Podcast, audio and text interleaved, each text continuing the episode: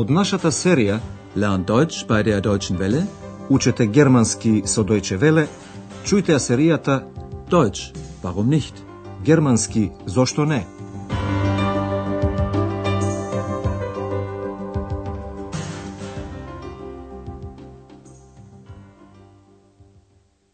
Liebe Hörerinnen und Hörer. Добар ден, почитувани слушателки и слушатели. Нарете 11-тата лекција под наслов Може би во театар? Филајшт инс театар? Во последната лекција слушнавме дека родителите на Андреас пристигнаа во Ахен. При тоа во хотелот се сретнаа и со господја Бергер, шефицата на хотелот. По кусиот разговор Андреас предложи да си заминат. Обрнете внимание на модалниот глагол „волен“. Ähm, wollen wir nicht gehen? Семејството Шефер сега седи во едно кафуле и прави планови како да го мине денешното попладне. Во следниот разговор станува збор за музеј, музеум, за купува, Einkaufen и за Ахенската катедрала, Дом.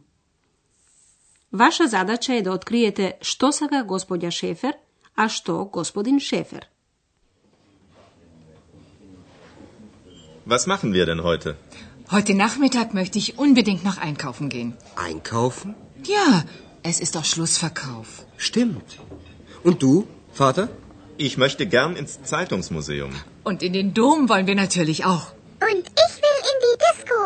Ex, sei still. Ach, das war wohl deine Freundin. Wo ist sie denn? Дали ги слушнавте желбите? Господја Шефер сака да оди да купува. Господин Шефер во музеот на весниците, а освен тоа и двајцата сакаа да ја посетат и катедралата. Господја Шефер почнува со прашањето. Што да правиме денеска? Was machen wir denn heute? Господја Шефер сака да оди да купува. Таа вели, денеска попладне ќе одам задолжително да купувам.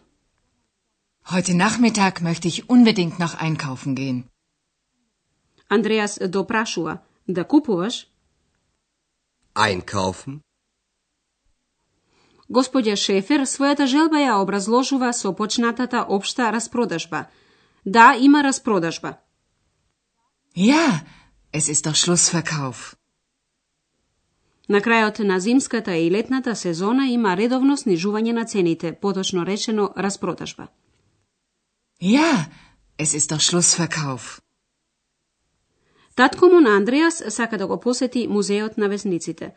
Во музеот во Ахен има изложено весници од целиот свет, собрани уште од 1886 Господин Шефер вели дека сака да оди таму. Ich möchte gern ins Zeitungsmuseum. Потоа родителите на Андреас сакаат уште да ја посетат и познатата Ахенска катедрала, Дом. И во катедралата сакаме исто така.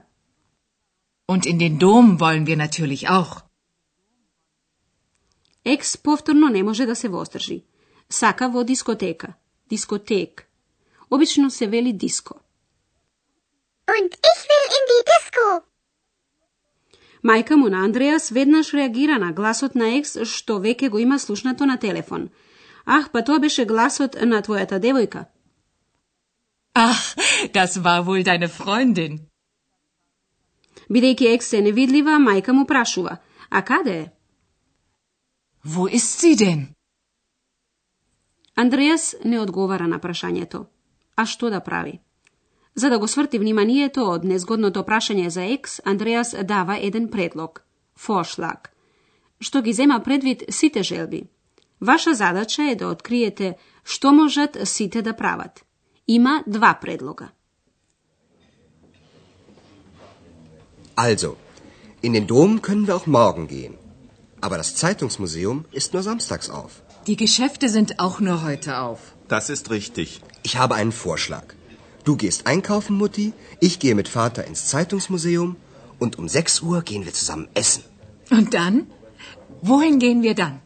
Vielleicht ins Theater. Ja, die Idee ist gut. Was gibt es denn sonst noch? Hier.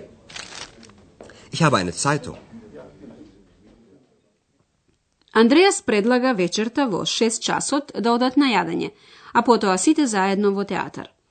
Родителите на Андреас во Ахен ке престојуваат само на викендот, а познато е дека многу работи во недела се неизводливи. Сепак, во катедралата ке може да се влезе и во недела.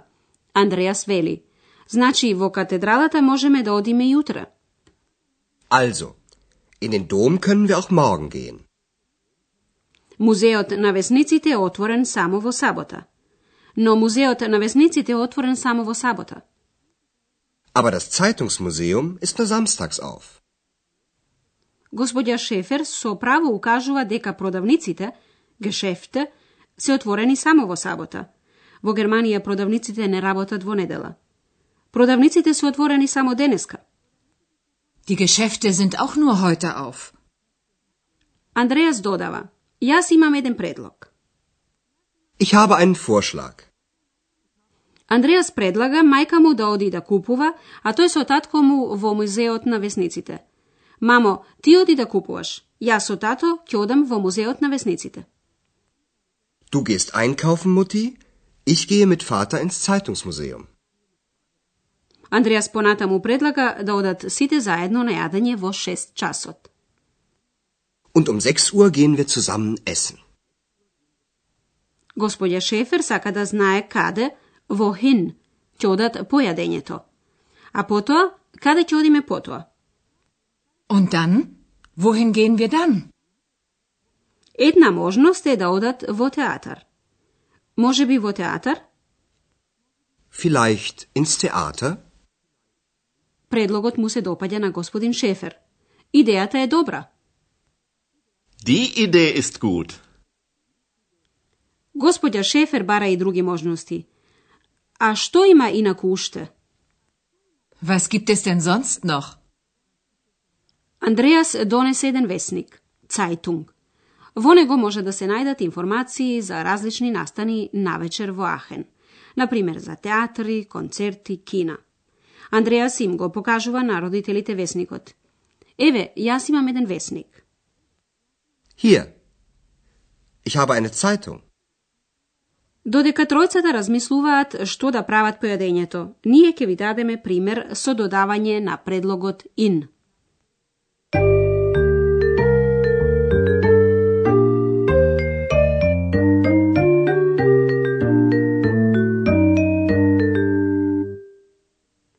Има дополнувања кои се прашуваат со прашалниот збор каде.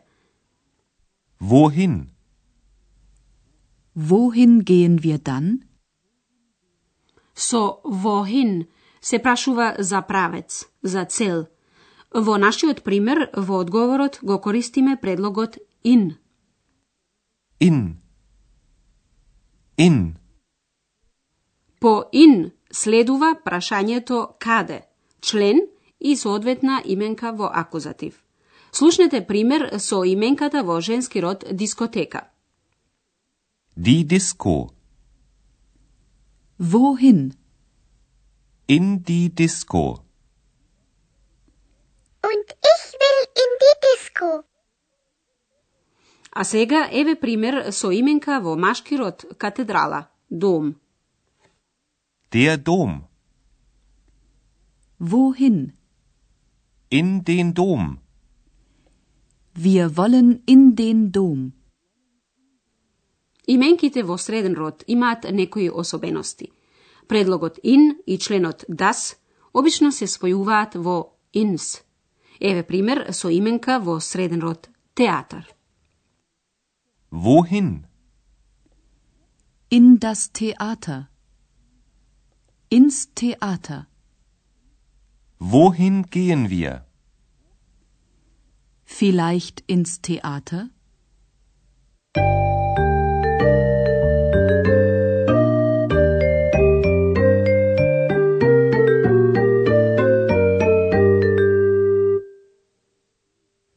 А сега да ги чуеме уште еднаш двата диалога.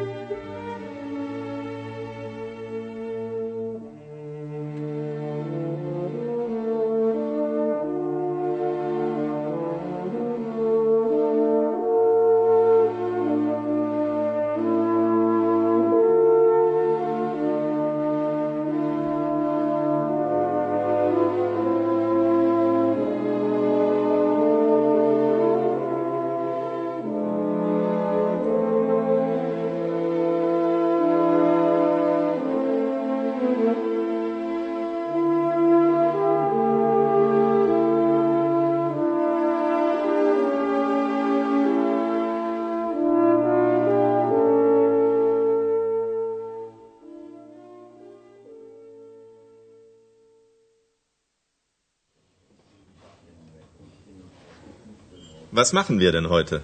Heute Nachmittag möchte ich unbedingt noch einkaufen gehen. Einkaufen? Ja, es ist doch Schlussverkauf. Stimmt. Und du, Vater? Ich möchte gern ins Zeitungsmuseum. Und in den Dom wollen wir natürlich auch. Und ich will in die Disco. Ex, sei still. Ach, das war wohl deine Freundin. Wo ist sie denn? Андреас предлага во 6 часот навечер да одат на јадење. Also, in den Dom können wir auch morgen gehen. Aber das Zeitungsmuseum ist nur samstags auf. Die Geschäfte sind auch nur heute auf. Das ist richtig. Ich habe einen Vorschlag. Du gehst einkaufen, Mutti, ich gehe mit Vater ins Zeitungsmuseum und um 6 Uhr gehen wir zusammen essen. Und dann? Wohin gehen wir dann? Vielleicht ins Theater. Ja, die Idee ist gut. Was gibt es denn sonst noch? Hier. Ich habe eine Zeitung. За денеска толку. А до наредната лекција, до слушање. Bis dahin, auf Wiederhören. Тоа беше германски зошто не, радиоговорен курс на Херат Мезе во продукција на Дојче Веле и на Гетовиот институт од Минхен.